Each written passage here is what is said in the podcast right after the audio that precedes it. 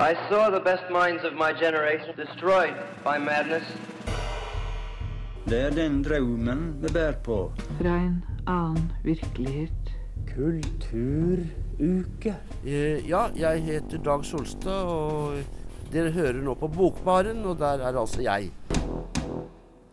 Og velkommen til altså en ny episode med Bokbaren, eh, som eh, Dag Solstad nettopp sa. Og det var litt synd at vi ikke har flere kvinner i den åpningen. Nei, det er jo litt kjipt, da. Ja, for nå er jo det, det I dag er det 6. mars, men på onsdag så er det den internasjonale kvinnedagen. Yay! Og det var veldig fint av deg, altså. Du er en god ally. Stolt av deg. Ja, jeg gleder meg til å gå på tog og å si, feire dagen med gode venninner. Inkludert Lage deg, da. Å, du da. Ja, vi skal gå i tog. Jeg gleder meg veldig til det. Uh, men i den anledningen så skal vi altså uh, i dag, uh, du og jeg, Yasin, vi skal prate om en av de store kvinnene i litteraturen nå om dagen. En av mange store kvinner, bare så Å det er ja, mange, mange, mange. Men dette er virkelig en av tungvekterne i gamet. Vi skal i dag prate om Annie nå, og vi skal snakke om eh, boken hennes fra eh, 2000, som heter 'Hendelsen'. Ja, gleder meg veldig til å prate om den. Mhm. Det blir veldig bra. Jeg tror det er en bok som eh, jeg tror mange kan sette pris på. Og det håper jeg virkelig at vi i dag eh, får muligheten til å virkelig vise til dere lyttere at dette er, dette er en bok som bør leses. Jeg heter Anne B. Ragde og er forfatter. Og når man er forfatter, så hører man selvsagt på Bokbarn så ofte man har anledning. Ja, selvsagt gjør vi det, Anne B. Ragde. Og før dette så fikk du høre Moe med låta 'Stearin'. Eh, og vi prater altså i dag om Annie Ernaux. Eh, og det er jo mange grunner til hvorfor vi prater om henne. Vi nevnte eh, kvinnedagen, som nå er på onsdag. Så det er jo absolutt superrelevant. Dette her er jo en dame som har skrevet mye om hvordan det er å være kvinne, spesielt i Frankrike. Um, men andre ting som kan være verdt å nevne, er for eksempel Yasin. Ja, Annie Ernaux er jo en fransk forfatter, som du så godt nevnte. Og hun regnes jo også i tillegg som en av Frankrikes største samtidsforfattere. Og det er ikke til å unngå å nevne at hun i 2022, året der mye skjedde, eh, ble tildelt Nobelprisen i litteratur for si, sin selvbiografiske litteratur, der hun ofte tar opp personlige og intime opplevelser. Og det som er eh, Når du tar opp personlige intime opplevelser og er kvinne og levde i den tidsperioden, så sier det seg selv at eh, du tar opp mye aktuelt. Og det er jo derfor vi også snakker om abort i dag. Fordi det er jo en av si, vår tids største utfordringer som kvinner står overfor. Eh, jeg skal jo ikke mansplaine eh, hva kvinner opplever rundt om i verden i dag, men eh, det, det skjønner de fleste, og vi kommer sikkert til å snakke litt om det senere. Men eh, Annie eh, som forfatter har en evne til å ta den abortdebatten som er skikkelig sånn bred, eh, og kanskje litt uskikkelig og preges av fakta, og egentlig litt sånn mørketall, og tar og bare personifiserer det, og gir oss et innblikk i en hverdag som jeg som mann i alle fall ikke hadde så mye kjennskap til. Så det er jo derfor vi har valgt Annie Ernaux, og hun er jo en eh, sabla dyktig forfatter, eh, bare så det er sagt. Så vi har ikke valgt henne fordi hun er kvinne, som eh, incelsene kanskje tror. Og det som vi òg kan nevne, er jo at eh, 1. mars så eh, kom den norske oversettelsen av eh, 'Jeg er fortsatt her inne i mørket'. Um, og hvis jeg skal prøve meg på fransk, som er et språk jeg ikke snakker, eh, så er den originale tittelen eh, 'Je ne sais pas sorti de ma nuit'. Det høres riktig ut. Jeg kan heller ikke fransk. Jeg hørte det på Google Translate for sånn en uke siden og håpte liksom sånn at jeg skulle huske det til nå. Ja, altså, hvis vi fornærmer noen med fransken vår, så, så tror jeg på en måte de har misforstått sendingen. Jeg vil heller at de skal bli sure på eh, patriarkatet framfor oss to. Vet du hva? Du, fikk, du får sagt det, Yasin. Virkelig. Um, men dette er altså en bok som um, ble utgitt for ganske lenge siden. Ganske lenge siden, det var veldig hardt, for denne boken er ett år eldre enn meg. Um, men den ble utgitt i 1997, og er basert på dagboksnotatene hennes. Um, fra da de siste to årene før hennes mor døde. Hvor hun da døde med demens. Ja. Så dette er jo på en måte en veldig klassisk på en måte, Annie Ernaux-bok, da. Hvor hun tar veldig mye fra, eh, fra sine opplevelser, da. eh, i livet, og så skriver veldig god litteratur om dette. Så hvis du blir inspirert av eh, episoden i dag, så kan dette her være eh, et greit sted å også starte. Jeg heter Molly Øksnevad. Fuck Riksen. Og du hører på Bokbar. Og fra én rå kvinne til en annen. Det var en god overgang. Jeg tror faktisk eh, Ja, jeg tror Molly Øksnevad og, eh, og Anja Noah har, har noe til felles. En liten, på en måte Et lite spark til eh, den lokale helsevesenet. Ja, faktisk. Det er veldig gøy. Eh, og det er jo på en måte Vi, vi snakket litt om det før, uh, før låt her. Men uh, Anja er jo en dame som virkelig på en måte uh, Hvis du har lyst til å på en måte lære noe om samtiden vi lever i, så er hun noe å lese. Um, jeg tror hun er sammen med, um, hvis jeg husker det riktige navn nå, Eduardo Louis, som er også da en av disse store tungvekterne i, i den franske litteraturen. De skriver begge to veldig um, samfunns- og sosiologi-interessante bøker. Mm. Uh, en av de store bøkene til uh, er nå er uh, en bok som på norsk heter 'Årene', Ja. som tar for seg da eh, fransk litteratur eh, over en ganske stor spann i måte, den franske historien på 1900-tallet. Ja, at hun på en måte eh, oppsummerer mye av eh, andre halvdel av 1900-tallets Frankrike Mm. i det verket, er det ikke det? Jo, um, og så ser jeg veldig mye på, på måte, arbeiderbevegelse, hvordan det er å være kvinne. Um, disse på en måte store eh, hva skal man si, merkelappene Ja. av hvordan det var å leve igjen litt undertrykket, kanskje, på 1900-tallet i, i Frankrike. ja, det var jo elementer av det i hendelsen òg. Mm Mhm. Og det er jo på en måte en en god måte, beskrivelse av, eh, av kvinneopplevelsen. Og hvis du Mhm. vil ha til en annen god eh, beskrivelse av det å være kvinne, så kan vi gå til den boken vi skal prate om i dag. Hendelse. Hendelsen. Um, og det, den, den franske tittelen tror ikke jeg tør. Ja, jeg kan si den engelske i alle fall, for det var den jeg prøvde å finne først. Ja. The Happening. Happening. Mm. Um, og det er da en bok uh, som kom ut, som jeg sa innledningsvis, i 2000. Men historien er ganske mye eldre enn det. Um, hvis ikke hoderegningen min er helt off, så tror jeg i år så har da denne boken her, uh, eller hendelsen, fortellingen 60-årsjubileum. Ja. For uh, vi skal tilbake igjen til 1963, Mhm. til Frankrike, hvor vi møter da en ung student. Og ikke bare hvilken som helst ung student, Det er Annie Ernaux. vi møter henne selv. Det er det vi gjør. Ja. Um, og vi møter henne på et sykehus. Og hun har fått vite at hun ikke har hiv, så det er jo Ja, kudos. Gratulerer med dagen. Det her er jo uh, før hiv og aids eh, pen, eh, Epidemien. Pandemi, tror jeg faktisk det er. Er det pandemi? Oh, ja. Hvis du skal være veldig spesifikk på det. Men eh, det, er det, vi skal, det er ikke det helseproblemet vi skal prate om i dag. Det får vi prate om kanskje neste Mm. uke under Sør-Afrika-episoden vår. Ja, Det er ikke dumt. Uh, for det, det som hun senere får vite, da, er at 23 år gamle Annie nå har blitt gravid. Eh, og dette er da to år før eh, eh, oh gud, hva heter det? Prevensjonsmidler. Ja, de Eh, oral contraception. ja, som eksempel p-piller. Eh, blir lovlig i Frankrike, og en god del år før abort. Ja, jeg tror det var ti år senere eller tolv år senere Ja, jeg mener det eh, er i abort. den duren. 1973 ble abort eh, Mm. lovlig i Frankrike, hvis jeg ikke tar feil. Det kommer vi mer senere, inn på senere. Um, men dette er jo da et barn han er nå ikke ønsker å eh, beholde. Hun er 23 år, har nettopp begynt på utdanningen, har liksom hele livet foran seg. Kan man på mange måter si, hun er ikke gift. Og det var jo en ganske stor greie, selv på 60-tallet. At det å være enslig mor, lite kult Selv i frigjorte Frankrike. selv i frigjorte Frankrike. Eh, så hva kan man gjøre da? Ja, hva kan man? Det fikk vi jo vite, dessverre. Eh, da kan du prøve på en illegal abort. Og det er jo ikke bare bare å få til. Eh, hun prøver å eh, ta kontakt med en lege, og dette, den legen her vil gjerne ha så lite som mulig med henne å gjøre. Eh, som på mange måter jeg forstår det. Ja. Hvis det står mellom måte, yrket ditt og hjelpe en jente som har vært uheldig. Så jeg, jeg, jeg kan se den. ja, fordi det var ikke bare ulovlig for kvinnen å ta abort, det var også ulovlig å bistå Ja. kvinnen til å eh, jeg få aborten. Mm. Og du kunne miste yrket ditt, eh, Ja. dessverre. Eh, så hun drar rundt da til eh, de hun tør å ta kontakt med og be om hjelp om. Hun prøver til og med selv på et tidspunkt. Eh, du har jo på en måte denne klassiske, mm, forferdelige på en måte, historien om eh, å prøve å abortere selv med strikkepinner.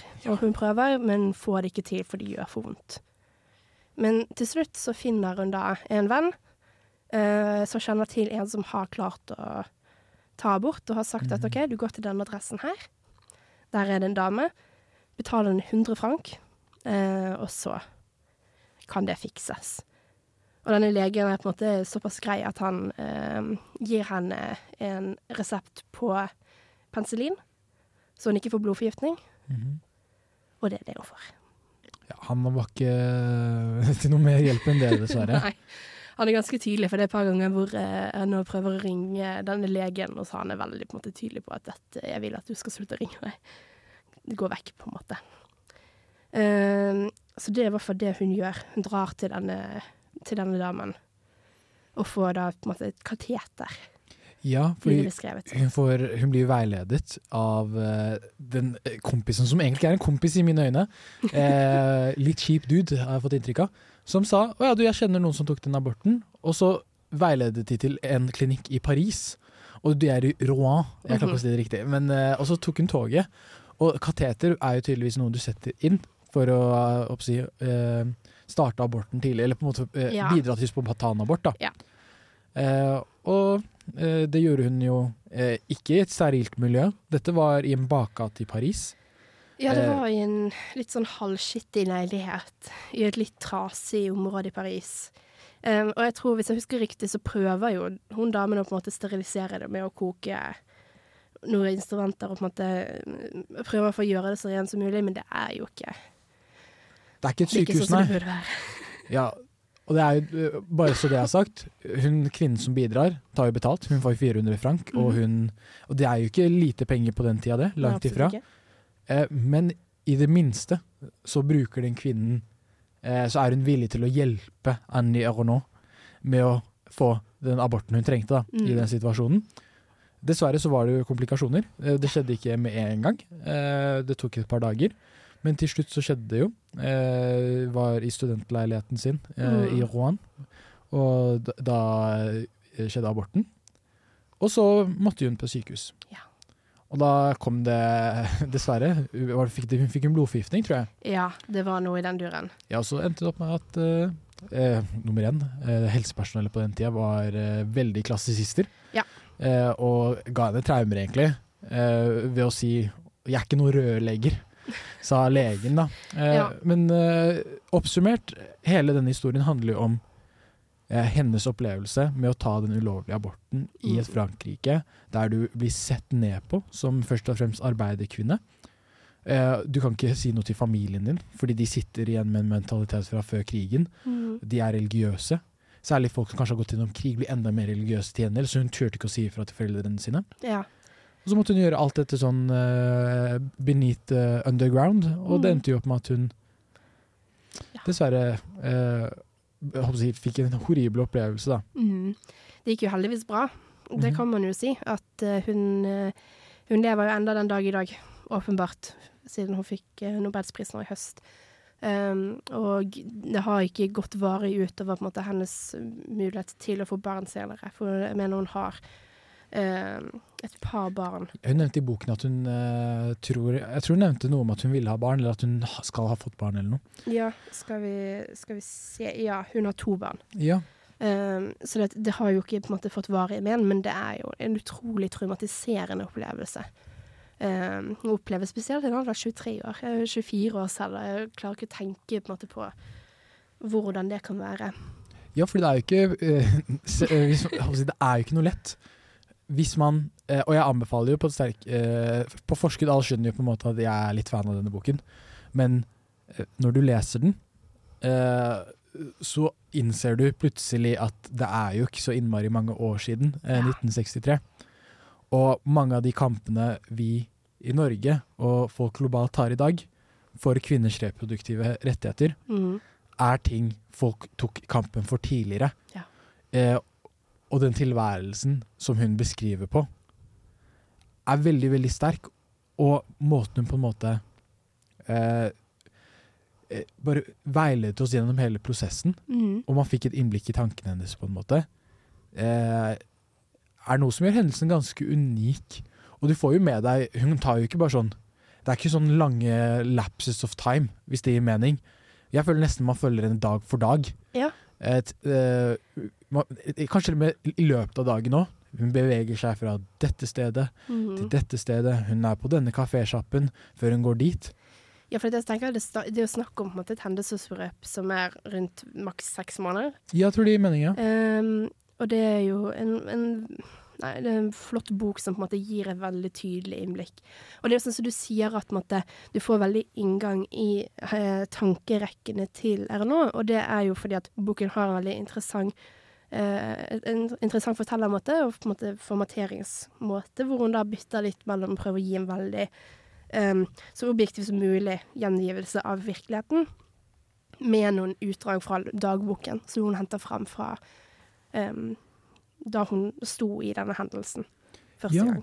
Eh, Jeg lurer på, og eh, jeg skal ikke drive med fake news på Bokbaren, eh, men at det kanskje var et verk hun kom ut med tidligere i løpet av karrieren sin, rundt da hun debuterte, som tok for seg en student da, som skulle Ja. ta en ulovlig abort. Og at det på en måte var litt sånn silkekomposisjon, fordi man visste ikke at den studenten var Annie Ernaux når hun først kom ut med den boken. Oh. Men at i senere tid, når hun kom ut med hendelsen i Vet du hvilken bok dette kan være? Hvis du gir meg uh, Hvis du gir meg ett minutt etterpå, mm -hmm. uh, så skal jeg finne boken, så alle våre gode, snille lyttere får lest den. Men jeg er rimelig sikker på at ikke jeg fikk news, men det er jo veldig spennende. Og det viser jo også hvor viktig denne boken har vært for Ørnå. Eller Ørnå. At det har tatt henne ganske lang tid Mm. å komme til det punktet at hun føler at hun kan stå for det. At hun faktisk kan gå til rette da, med det hun opplevde som ung kvinne. Absolutt. Fordi eh, selv om jeg er 22 nå, så er jeg rimelig sikker på at det er ganske mange erfaringer som eh, sitter godt igjen. Mm. Eh, hvis det hadde skjedd med meg. Ja, og dette her er veldig mange utrolig interessante tematikker som vi eh, skal prate om eh, i løpet av eh, episoden. Vi skal snakke litt om eh, kvinnerollen, morsrollen, snakke litt mer om aborthistorie, eh, erindringsformatet, da. Eh, så her er det mye det bare gleder seg til å høre. Jeg fikk vite at jenta var 20 år gammel og ugift. Hun hadde beholdt barnet, men ble ikke behandlet noe mer skånsomt enn meg. Jenta som hadde abortert, og den ugifte moren fra Roans fattigkvarter var i samme båt. Kanskje foraktet de henne enda mer enn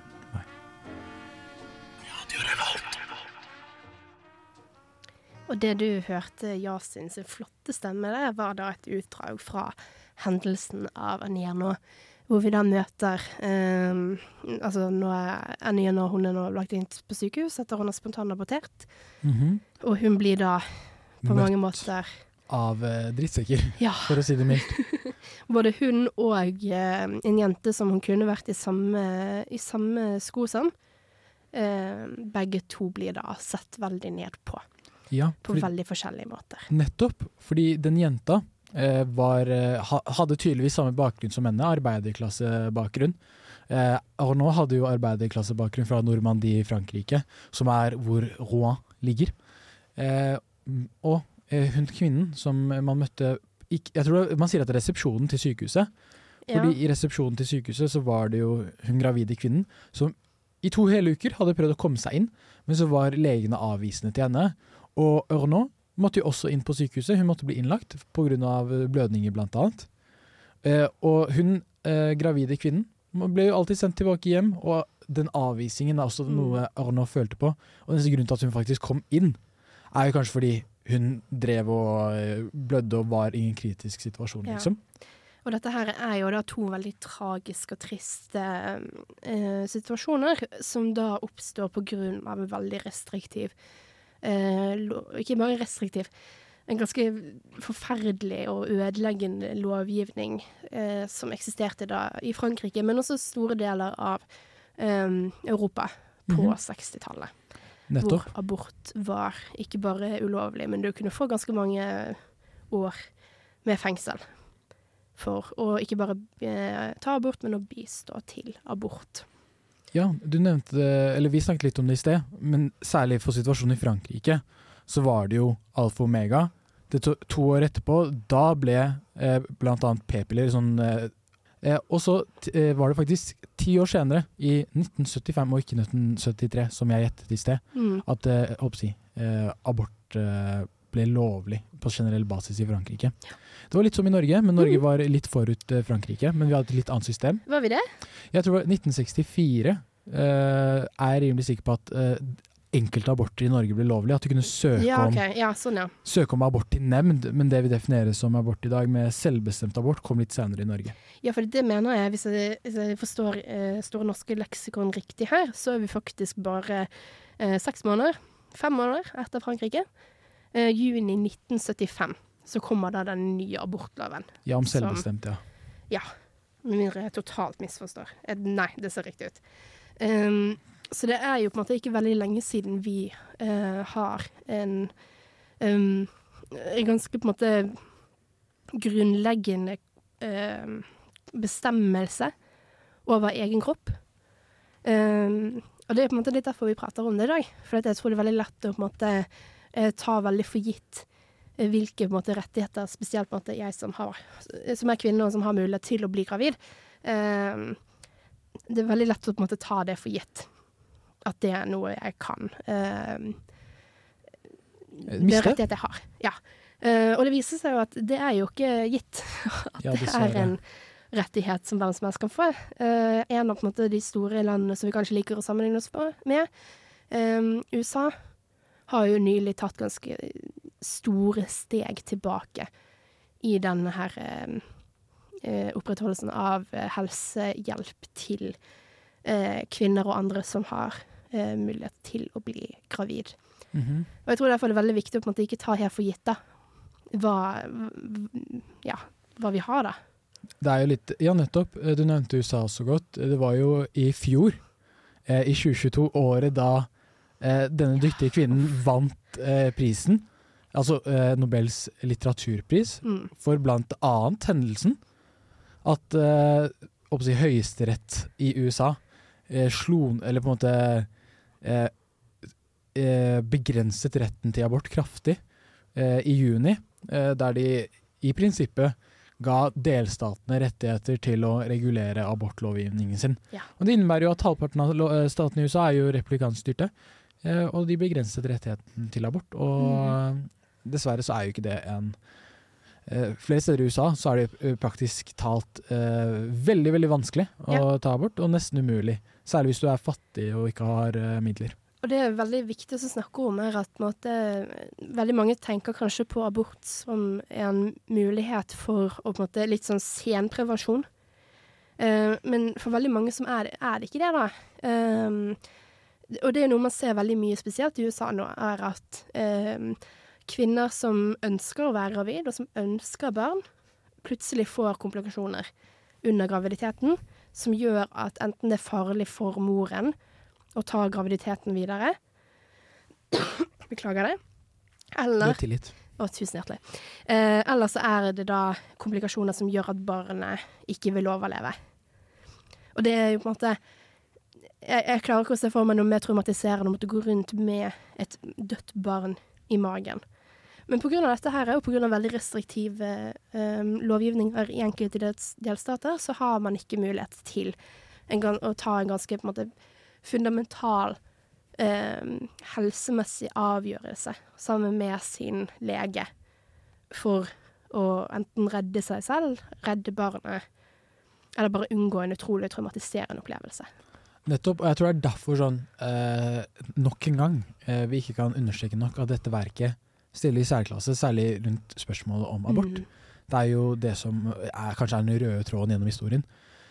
Eh, og vi ser jo at når kvinner havner i umulige situasjoner, når de ikke har eh, Når du er fattig student, når du ikke bare kan ta et fly til et annet land der Mhm. kanskje abort er lovlig, eh, kanskje du still, ikke er eh, i borgerskapet, kanskje du har en arbeiderklassebakgrunn, så er jo begrensningene, så er jo begrensningene satt på jeg håper å si, skikkelig, skikkelig skikkelig vanskelige eh, vilkår. Mm. Det er jo innmari vanskelig, som vi så i boken, å få tatt abort i Frankrike de to årene før eh, si, eh, De tolv årene før eh, abort ble lovlig. Mm. Så det er jo liksom Selv om vi tror, eh, og selv om man på en måte lever litt i kanskje litt sånn idyll i Norge, der Mm. diskusjonen i vår tid snak, handler mer om at man skal eh, u, hva skal jeg si, utvide grensen for abort. Det er Ja. ikke, vi diskuterer ikke uke tolv skal gå ned til uke åtte, og så skal det gå ned til uke null. Mm. Eh, selv om det kanskje er noen litt sånn eh, høyrevridde folk i Rogaland. Jeg ser på Jæren. Eh, eh, som mener det.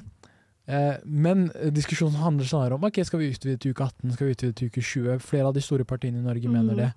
Eh, og det er jo eh, og det er på en måte en diskusjon man ikke skal ta for gitt. Til og med i Europa i dag, i Polen, i Ungarn, Ja. så, går jo, så er det ofte abortrettigheter det går på bekostning av. Eh, Absolutt. Og samme hvis du ser mot andre, andre på en måte, vesteuropeiske land. I, Irland så var det ikke før i 2018 eh, lov å ta abort i den republikanske halvdelen, holdt jeg på å si. Um, så det, det er jo på en måte jeg, jeg tror det er veldig lett å på en måte, sånn som jeg har sagt tidligere, ta det for gitt. Og jeg tror denne boken her, uh, for å vri det litt om, er en veldig god bok som viser hvor vanskelig det kan være, og hvor traumatiserende det er å ta en abort, selv om man, man vet med seg selv at dette er det riktige.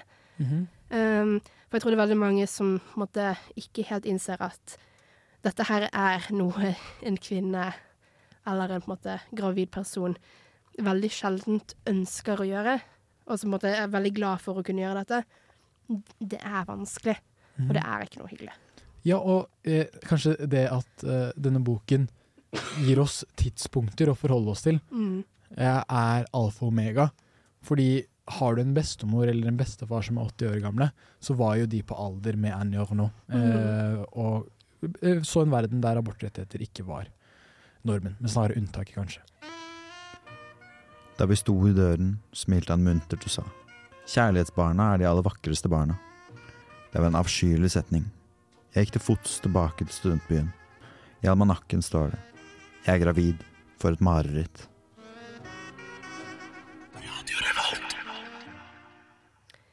Og det du fikk høre der, var eh, en, et utdrag fra eh, det legebesøket hvor hun får vite at hun er gravid. Og dette er da legen som sier, på en veldig nedverdigende måte, sånn jeg tolker det i hvert fall, at kjærlighetsbarna er noen av de vakreste barna. Ja, du, Legene i denne boken her, jeg tror ikke jeg fant én snill lege. Nei. Det er ganske horribelt. Var det ikke en, jeg tror en av legene også uh, på en måte ga henne medisin som skulle fungere imot spontanabort.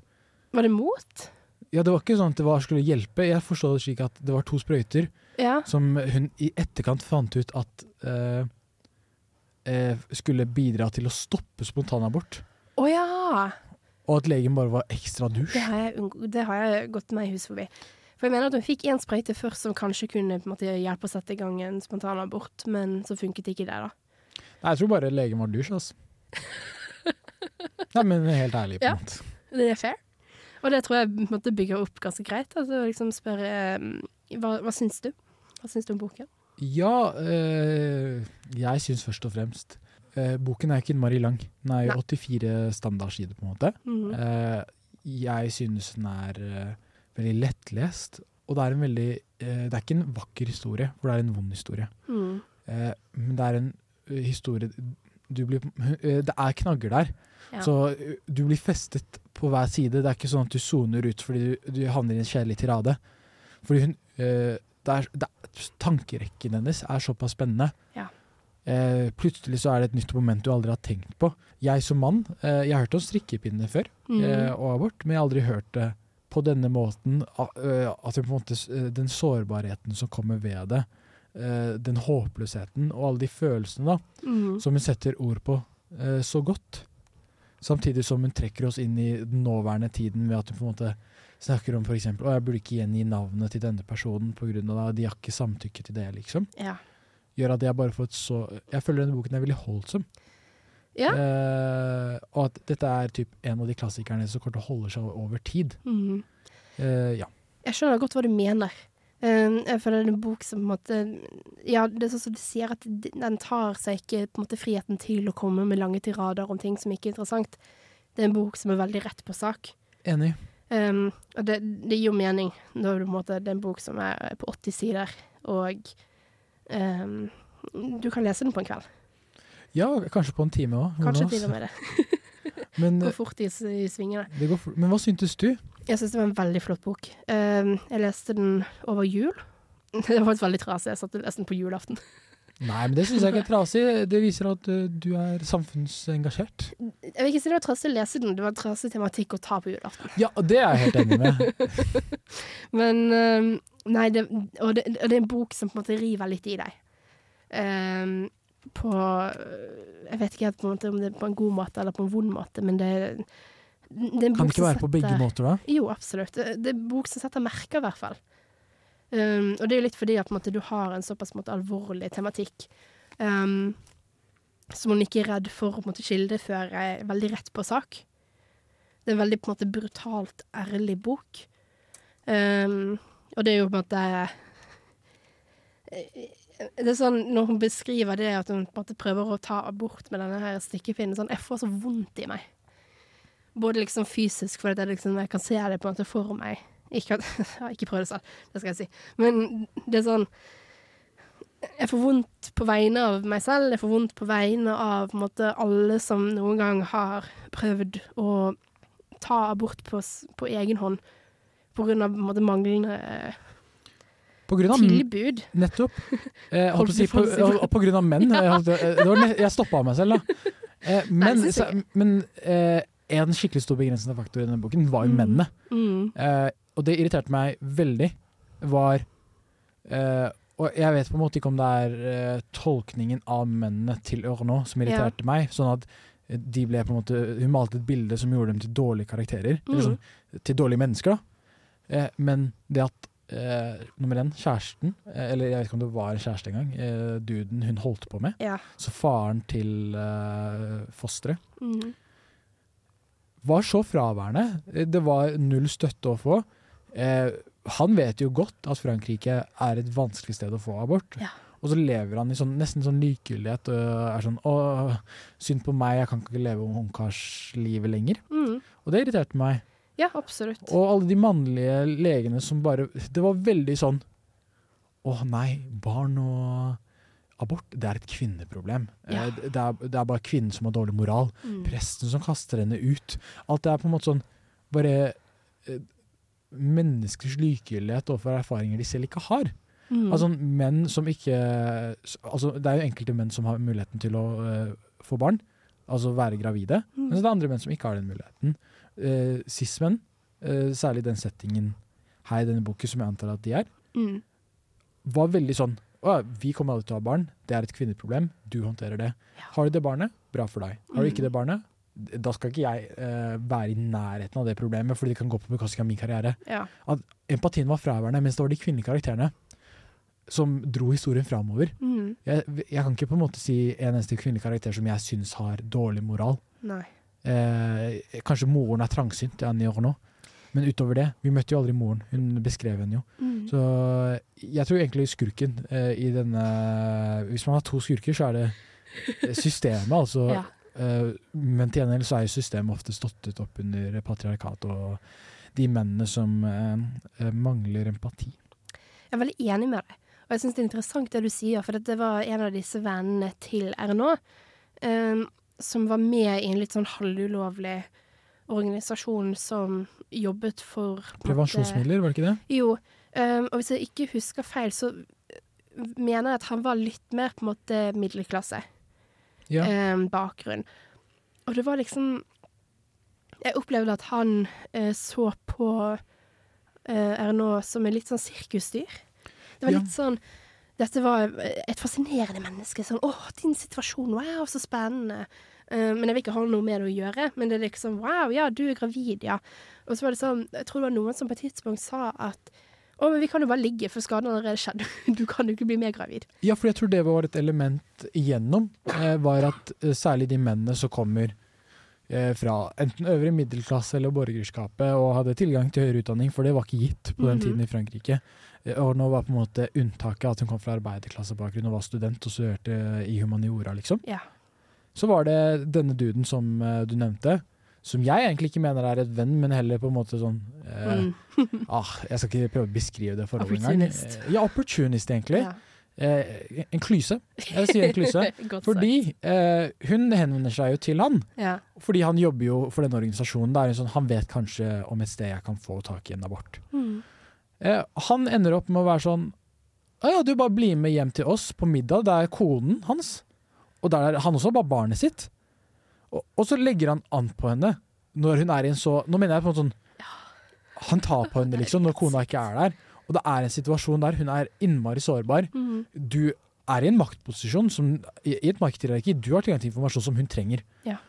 Og eh, endte opp med at uh, hun følte seg veldig objektifisert og var i en veldig veldig vrang situasjon. da. Mm. i dagboka. Jeg føler jeg er gravid på en abstrakt måte. Jeg kjenner på magen, og der er det. Mer klarer jeg ikke å forestille meg, egentlig. Hvis jeg lar tida gå, så vil de trekke en unge ut av meg i juli. Men det føles ikke sånn. Ja, eh, Anja nå kjenner seg ikke helt gravid. Eh, men på en måte klarer jeg ikke helt å på en måte føle på den mulige på en måte morsrollen som venter henne etter ni måneder. Um, og som vi snakket om litt før låt, um, så nevnte jo du, Yasin, at måte, hun blir frarøvet litt sin måte, uavhengige kvinnerolle. da. At hun blir veldig objektivisert, og på en måte denne graviditeten tar henne ut um, av måte det å være et menneske med, med verdighet. Og det er veldig interessant, for det virker som at måte, dette, denne hendelsen hennes, um, graviditeten, tar henne litt ut av roller, men så passer hun ikke inn som mor heller. Så hva er hun da, på en måte? Ja, fordi det var jo enda et moment ved boken som var veldig, veldig spennende. Var jo eh, den distansierte eh, Det distanserte blikket, da. Mm. Eh, Renaud hadde på folkene rundt seg, hadde på livet rundt seg, hverdagen. Eh, og for så vidt hva slags forhold folk hadde til henne igjen. Eh, hun ble eh, objektifisert av mennene. Det ble veldig sånn Å ja, du er eh, Nå som vi vet at du er en kvinne som ligger utenfor ekteskap, Mm. eh, så er det sånn OK, men da da er du på en måte fritt vilt, nesten, var den tilnærmingen de guttene hadde. Var det eller mennene. Ja. Eh, når jeg leste. Eh, eller jeg tolket det på den måten, at det var det blikket de hadde på henne. Men også for så vidt blant eh, venninnene hennes og eh, samfunnet bredere rundt, da, Mm. var jo at hun ikke følte at eh, Hun hørte på en samtale av eh, en eller annen person fra Montpellier eh, som snakket eh, eh, En kvinne, da, og de møtte på et bibliotek eller en kafé. Og hun andre kvinnen brettet ut om livet sitt, snakket om eh, kollektivet der hun bodde, snakket om eh, jeg håper si, eh, å vaske klær og alt det der. Veldig sånn alminnelige ting. Mm. Og Ørno sitter jo der og hører på og er helt fokusert. Men det er jo nettopp fordi alt det der virker så lite når du er så fanget eh, i den tankerekken som graviditeten førte til. da. Og jeg vil ta det videre, for jeg syns det var noe så veldig interessant med boken, at det virker som at livet hennes måtte bli litt satt på pause. Eh, Enig? I de månedene hvor hun går rundt og er gravid og prøver å finne en måte å mm, få til denne her aborten, så virker det som at måte, hun blir så distansert alt. At hun på en måte er i en sånn egen liten boble. Ja, Hun blir jo helt apatisk. Hun skriver Ja. ikke på hovedoppgaven sin. Uh, hun uh, klarer ikke å få på si, eh, nyte de hverdagslige tingene. Ja. Og til og med de tingene hun uh, syns er gøye, preges jo av uh, ikke det at hun syns det er gøy i seg selv, Mm. men heller av at hun får motivasjon. uh, at hun ser på det som en måte å bli kvitt barnet på. Hun sto på ski Ja. med noen venner, eh, jeg antar at det er Alpene, men jeg vet ikke om Alpene er i Frankrike. Dårlig geografikunnskap. Eh, men hun eh, må ville slite seg selv ut så mye som mulig fordi hun ønsket å spontanabortere. Mm. Og det var jo eh, et viktig moment for henne, da. Ja. Så det sier jo litt, da, hvis eh, all gleden i livet blir borte på bakgrunn av den ene tingen. Mm. Og det er jo det, og så skriver du selv Jeg vet ikke når jeg kom tilbake til den verden man kaller normal. En uklar formulering som, like, som alle likevel skjønner hva betyr. Nemlig verden der synet av en skinnende ren servant eller ansiktet til en togpassasjer ikke lenger er et spørsmål eller gjør vondt. Jeg begynte å skrive opp hovedoppgaven. Opp hovedoppgaven. Jeg satt barnevakt om kvelden og telefonvakt for en kardiolog. For litt etter litt kunne betale tilbake pengene jeg skyldte for aborten. Altså det er på en måte på et tidspunkt så på en måte begynte livet hennes å rulle litt tilbake igjen. Mhm. Og så var det som om ingenting hadde skjedd, selv om noe utrolig stort og altomfattende skjedde allikevel. Ja, eh, og helt, helt enig. Og man tenker kanskje sånn at ingen person kan tenke på noe 24-7. Mm. Men det var jo det hun gjorde. Når hun møtte folk ute på gata, eh, så følte hun seg alltid litt sånn Hvis folk så på henne, så blir hun sånn Å, vet de at jeg har et kateter i meg, for Ja. Eh, mistenker de meg for et eller annet? Eh, når hun spurte om den resept, eh, det, hun ikke, den medisinen hun ikke hadde resept på, på farmase, hos farmasøyten, Mm. så følte hun seg i jakt, sånn at de bare så på henne veldig. Eh, at hun, på, at hun ble gjennomskuet, da. Og at når du alltid føler deg litt utsatt, føler at folk fokuserer på deg, og kanskje føler at du gjør noe som egentlig ikke er lovlig, Mm. så påvirker du jo psyken. Så i sum så var jo dette en veldig, veldig belastende periode Absolutt. for nå. Ja. Og det er ikke til å unngå at uh, selv om vi tror at uh, Selv om boken fokuserer på den fysiske belastningen, Mm. og snakker uh, i detaljer rundt det, så er det jo det som er usagt, som er den mentale belastningen, som kanskje virker nesten like stor, eller større kanskje òg, Mm. gjennom den skildringen. da. Og det er jo, som jeg nevnte i sted, så var det eh, en bok som Annie nå hadde nevnt, eh, som hun på en måte hadde prøvd å ta opp den historien i tidligere, men ikke hadde turt å si at det var seg selv. Mm. Eh, og selv om vi ikke klarte, vi klarte ikke å uttale navnet, men det var eh, De tomme skapene, tror jeg det var. Ja. Eh, så les den boken hvis du eh, Kanskje lese den først, og så lese hendelsen. Eh, tror det kan bli en veldig veldig kul måte å lese på. Mm. Men i sum, da, bare at det her er noe som er veldig dyptgående. Ja. Eh, og hvis du er mann og uh, på en måte aldri har sett dette, eller ikke har noe erfaring med det, eller kanskje ikke kjenner noen som har tatt en abort, Mm. så er jo dette noe som uh, kanskje er veldig veldig vanskelig å snakke om. Marte, er det kanskje noe som du føler kvinner har litt vanskeligheter med å snakke om? Er det fortsatt litt tabubelagt? Jeg tror det kommer veldig an på miljøet, tror jeg, og hvem man prater med. Um, stort sett så ser jeg på det som på en måte veldig på en måte um, Enkelt Ikke, ikke enkelt, det, det blir en oversimplifisering av det, men det er jo veldig vondt. Um, og jeg er veldig heldig at jeg aldri har vært i den situasjonen hvor jeg har vært nødt til å på en måte bestemme meg for om jeg må ta en abort eller ikke, men jeg vet at jeg har venner som har vært der, og det er en utrolig på en måte, traumatiserende opplevelse. Og jeg tror det er veldig viktig å, prate om. Litt for å på en måte Selvfølgelig på en måte ikke normalisere Jo, kanskje normalisere. Um, på en måte Snakke litt mer om hva det faktisk er. At det er ikke på en måte en quick fix, det er en veldig uh, altomfattende og på en måte mm, inngripende ting. Og det, det er jo det som måte, gjør boken her så utrolig bra, nettopp det du sier med det, det som foregår, foregår i psyken. Hvor utrolig på en måte Og det var kanskje det som gjorde boken så utrolig vond òg. for på en måte en som eh, en, kvinne som har evnen til å, være, til å bli gravid, men har utrolig lite Ja. lyst til det. Skriver jo masteroppgave om frivillig barnesett, og det å på en måte lese dette her, her er på en måte Og det Det deg. gnager. Ja, det gnager. Ja, og det Nei, det, det er så vondt. Ja. Jeg ser meg nødt til å bruke bare initialer når jeg betegner hun som nå fremstår for meg som den første i rekken av kvinner som avløste hverandre for å lose meg videre, og hvis kunnskap, handlinger og hensiktsmessige avgjørelser gjorde at jeg kom meg gjennom denne prøvelsen på best mulig måte. Ja, og det du hørte der, var et, igjen et utdrag fra boken hvor eh, Ernå snakker litt om at eh, det er viktig for henne å anonymisere alle disse kvinnene som har vært med å hjelpe henne på veien til å få til denne her aborten. Um, og det bringer oss litt inn på For vi har snakket mye om um, at hun har en veldig levende og direkte måte å skrive på. Og det er jo en bok som hun um, selv kaller på en måte en erindringsroman, om du vil. Marte, hva Ja. er en erindringsroman? Ja, uh, erindring er jo da et annet ord for å på en måte minnes, eller på en måte gjenfortelle, huske noe. Um, og det er jo da um, en bok som på en måte er veldig selvbiografisk. er jo egentlig bare en annen måte å si det på. Det, du tar på en måte virkelighetslitteraturen, men du later ikke som at eh, Du tar ikke en hjort og later som at eh, Du tar ikke en Knausgård. Du tar ikke en Knausgård og later som at det er noen andre, på en måte. Det er hva det er. Ja. Og man er veldig åpen om at nå skal jeg fortelle deg min historie og mine minner ut ifra hvordan jeg husker at dette her skjedde.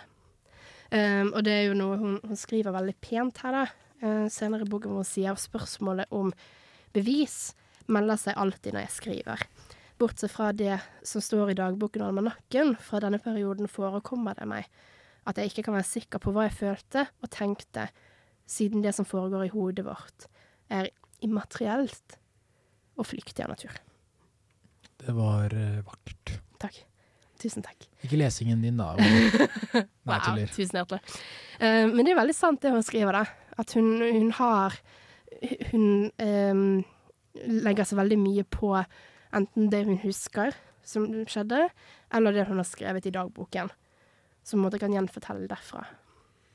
Ja, det var veldig spennende det at hun hadde direkte sitater fra Eller på en måte noen av de ordene eller setningene hun brukte, Mm. var uh, ordrett det hun hadde skrevet i dagboken sin fra den perioden. Eh, og, og det var litt sånn Det var litt spennende på en måte å ha Det var jo veldig dagbok... Kan man si at boken var litt sånn dagbokformat? Ja. Hvis det gir mening? Mhm.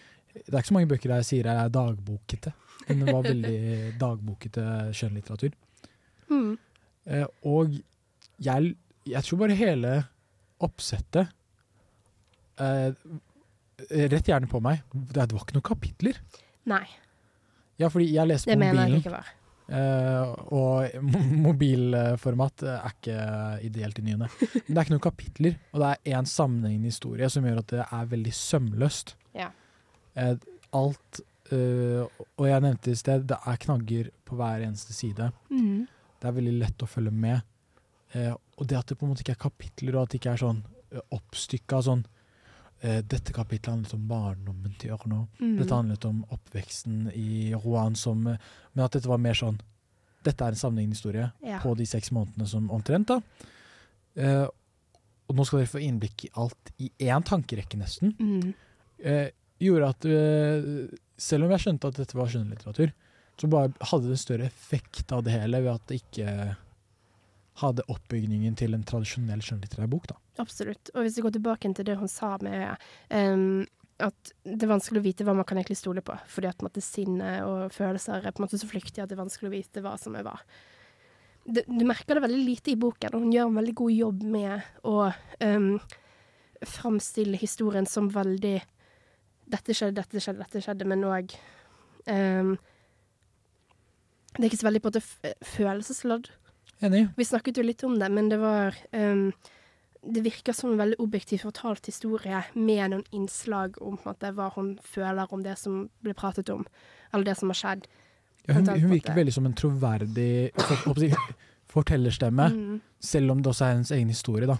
Ja, og dette her er jo på en måte bøker hvor hun virkelig skinner. Hun skriver veldig mye av denne type bok, og hun, hun er veldig god på det. Mhm. Og det er jo på en måte litt det hun har vunnet eh, Nobelsprisen for òg. Hei, hei. Eh, Dette er Vigdis Hjort. Jeg liker navnet på denne radiokanalen, Radio Revolt. Hør på magasinet Bokbarn. Det å sitte på bar og lese bok, det er ikke det verste. Nei, det er virkelig ikke det verste. Det er det beste. Det er det beste, faktisk, vil jeg si. Å høre på Bokbaren, spesielt når vi snakker om Anja nå. Når vi går hendelser. inn i eh, feminismen og oh, Jeg føler det er da vi virkelig blomstrer. Når du og jeg kan stå her og være sånn Nei, patriarkiet. Ja, fy flate, jeg er så lei patriarkatet. jeg. Mhm. er, er patriarkiet patri Oh. Jeg kan ikke norsk lenger. Oi. Jeg vet bare at det er the patriarchy på engelsk, og så Ja. prøver jeg å oversette til norsk. Så vet jeg ikke om det går. Trier. det var utrolig dårlig radio at jeg skal stå Nei, jeg tror du har rett. Patriarkatet? Ja. Ja, kanskje det bare er skrevet på norsk eh, bokmål, Oslo-mål, da. Og så har du din bergenske variant. men, Det er lett for. Nei, men uh, som du nevnte jo, og vi har snakket om hendelsen, Mm. og det er jo ikke uh, til å unngå at uh, Jeg iallfall har lært ganske mye av boken. Ja. Eh, og så håper jeg også at lytterne våre, altså dere gode folk på busser og eh, hjem over hele Trondheim by, eh, har, får lært litt om eh, Eller håper jeg, får utbytte Mm. av boken. Så Marte, my big question to you, hva er det du kommer til å hva du, eh, håper jeg, hva har du lært? Hva er det du kommer til å eh, eh, godtenke på kveldstid eh, i kveld? Ikke godtenke, da. Ok, sånn, eh, hvilke tanker kommer til å liksom, eh, komme ut av kverna Mm. etter denne boken? Oh, um, det er et utrolig stort og vanskelig spørsmål. Um, jeg tror på en måte inntrykkene, kanskje de som sitter liksom lengst med meg, er på en måte denne brutale eh, gjengivelsen av ehm, kanskje noen av de vanskeligste månedene i livet til Erna. Um, og hvordan det var å gå gjennom en veldig brutal og ærlig beskrivelse av kanskje noe av det vanskeligste man kan gjøre Mhm. hvis man blir gravid og ikke vil ta, uh, beholde barnet. Så jeg tror på en måte kanskje det er uh, noe av det jeg sitter, sitter mest igjen med. Jeg vet ikke. Jeg syns det var en veldig vakker bok. Ja, du, På en forferdelig måte. Ja, eh, det er jo ofte bøker som kanskje tar for seg sånn vanskelig tematikk, Mm. som til gjengjeld ofte blir de som klarer å skildre det på en veldig god måte. Ja. Jeg vet ikke, Det er kanskje litt kontraintuitivt. Men eh, for meg, hvis jeg stiller meg selv det samme spørsmålet, så tror jeg eh, Og det, er litt, det preges jo også av skjønnet mitt, da. Mm. Fordi som mann så frustrerte det meg veldig, eh, som tidligere nevnt i sendingen, at mennene eh, i boken var fraværende, var eh, måte, eh, Du vet, eh, det var null initiativ, liksom. De reagerer på ekstern stimuli. Mm. Og til og med når de gjør ting av eget initiativ, så gjør de bare slemme ting. så det, det ble veldig si, Det mannsbildet Mm i Frankrike på 60-tallet, både blant de yngre mennene og blant de som si, førkrigsgenerasjonen, de som var leger og sånn. Ja. Begge de generasjonene av mennene syns jeg egentlig er fortapte generasjoner på mange måter, særlig når det gjelder kvinnekampen. da. Mm. Eh, og nå tar jeg utgangspunkt i bare de karakterene. Jeg snakker ikke om den vire franske eh, si, det, eh, halvparten av Frankrike. Ja. Og sier at de gir blanke i kvinnekampen. For det gjør jeg ikke. Det jeg sier er at de mennene i denne boken mm. eh, bidro til å eh, i praksis traumatisere en ung kvinne.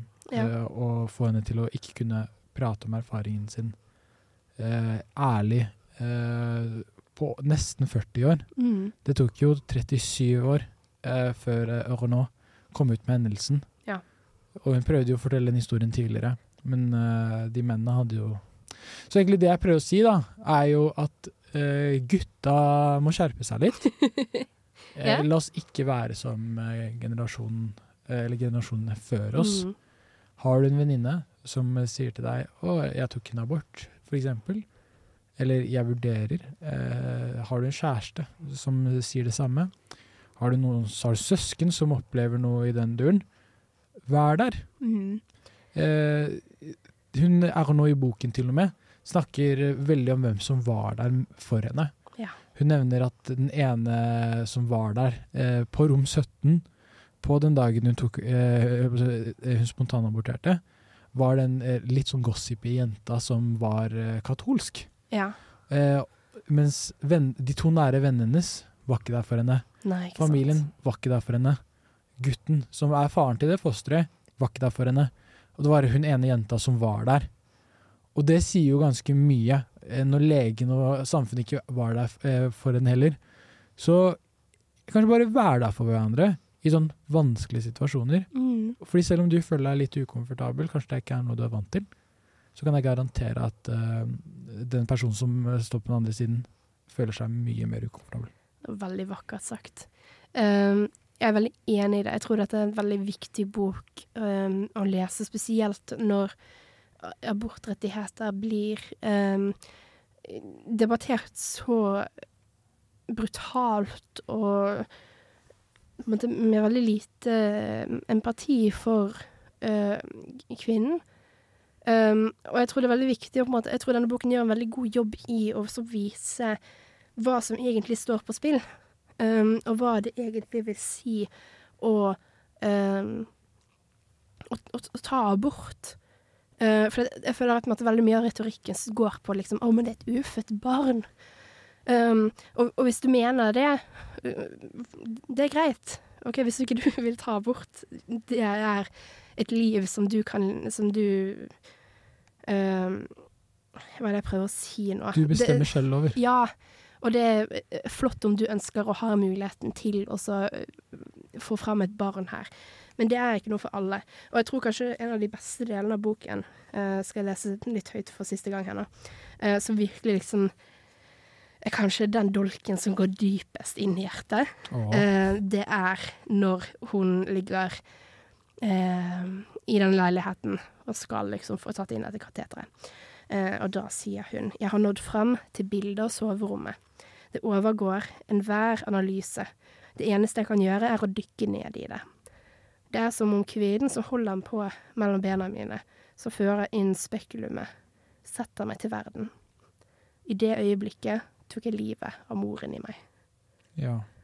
Og det er vakkert. ja, og det er vondt òg. Ja, for det, er jo på en måte den derre Det er også snakk om et foster som på en måte er et embryo. En liten på en måte sånn cellesky. Er på en måte ikke så interessant, men det er jo på en måte den derre hva jeg kunne blitt. Hva jeg ikke vil bli. Mhm. Så det er på en måte, det, det kan, du kan tolke det synes jeg, nesten på en måte hjerteskjærende med at um, denne rollen som uh, samfunnet forteller hver kvinne at dette er på en måte det, det du skal ønske. Dette er det du skal strebe etter. Du kan tolke det som sånn dette her er Det er trist, Mhm. men det kan jo være veldig frigjørende. Ja, Jeg er helt enig. Jeg syns du satte ord på det på en god måte. Eh, Jeg tror enda en ting som er essensiell, eh, essensielt å nevne, er jo at eh, bøker ofte kan være en samtalestarter. Mm. Det kan være noe som bryter opp en dynamikk. Det er derfor eh, en bok for eksempel, som tar for seg et tema vi aldri har hørt før, ofte får mye oppmerksomhet i media. Og jeg tror eh, hendelsen kan være en samtalestarter i Norge òg, Mm. eh, i 2023. Fordi vi ser i, i land, eh, annet som vi har nevnt tidligere, USA, der man prater om og over hverandre framfor til hverandre, og, eh, og framfor å lytte til hverandre, der går jo rettighetene bakover. Mens i land der man har bøker eh, som hendelsen, der man kan diskutere det i skolesystemet, der man kan skrive særemner om det, skaper den dynamikken man trenger, der man Mm. kan se mennesket bak. Og dermed kanskje kan komme fram til ikke nødvendigvis den løsningen alle er fornøyd med, Ja. men heller en løsning som ivaretar eh, si, de aller sårbare. De aller mest sårbare. Mm. Og jeg, jeg må nok si at jeg føler Annie nå kanskje var en av de mest sårbare i det franske samfunnet på det tidspunktet. Ja. Og det, vi unngår det. Eh, og det er nettopp det at hennes skriving Mm. eh, Og jeg tror hun snakker litt om det, reflekterer også om det i boken. At dette skjedde for en grunn. Mm. Og jeg tror det er derfor det er så viktig.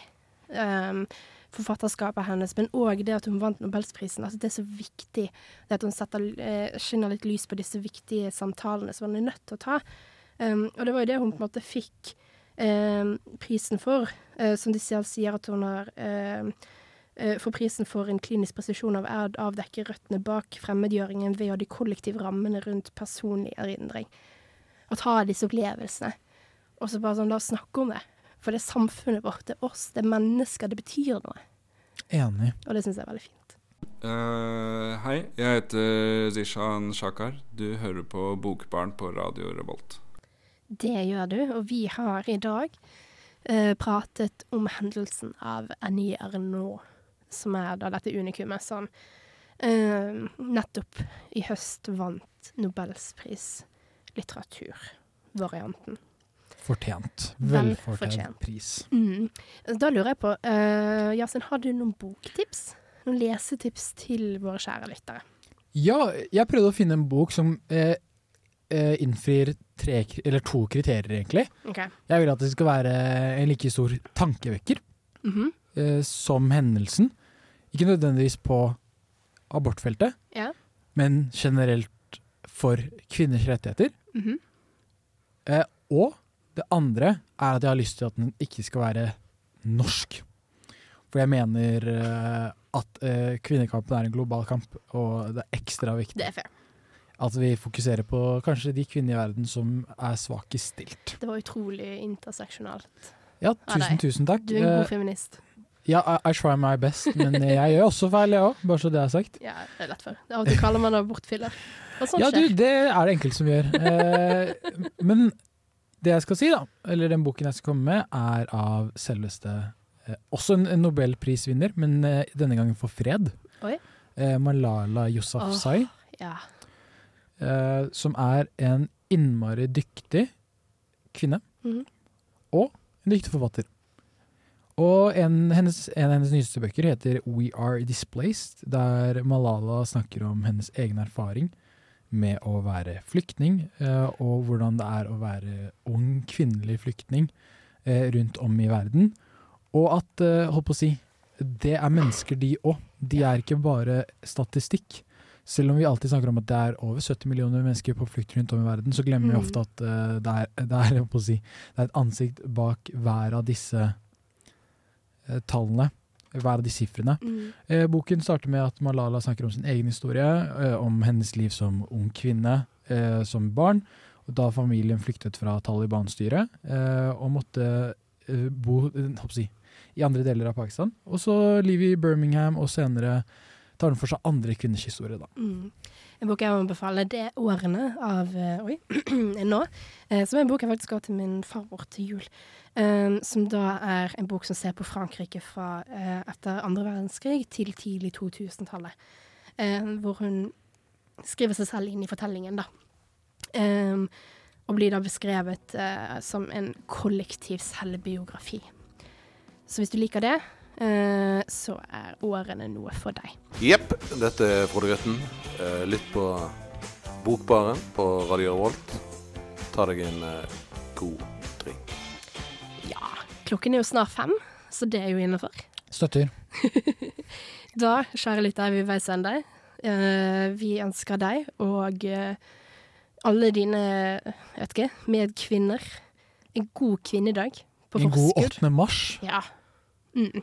Og så vil jeg også bare si tusen, tusen takk til eh, Mari fra Uillustrert- vitenskap, Ingrid fra Filmofil og Martin fra Feber, som har lånt bort stemmene til eh, å lese inn innslag fra boken. Da er det egentlig bare å si adios. Ja, adjø. Ha, ha det bra, folkens. ha det.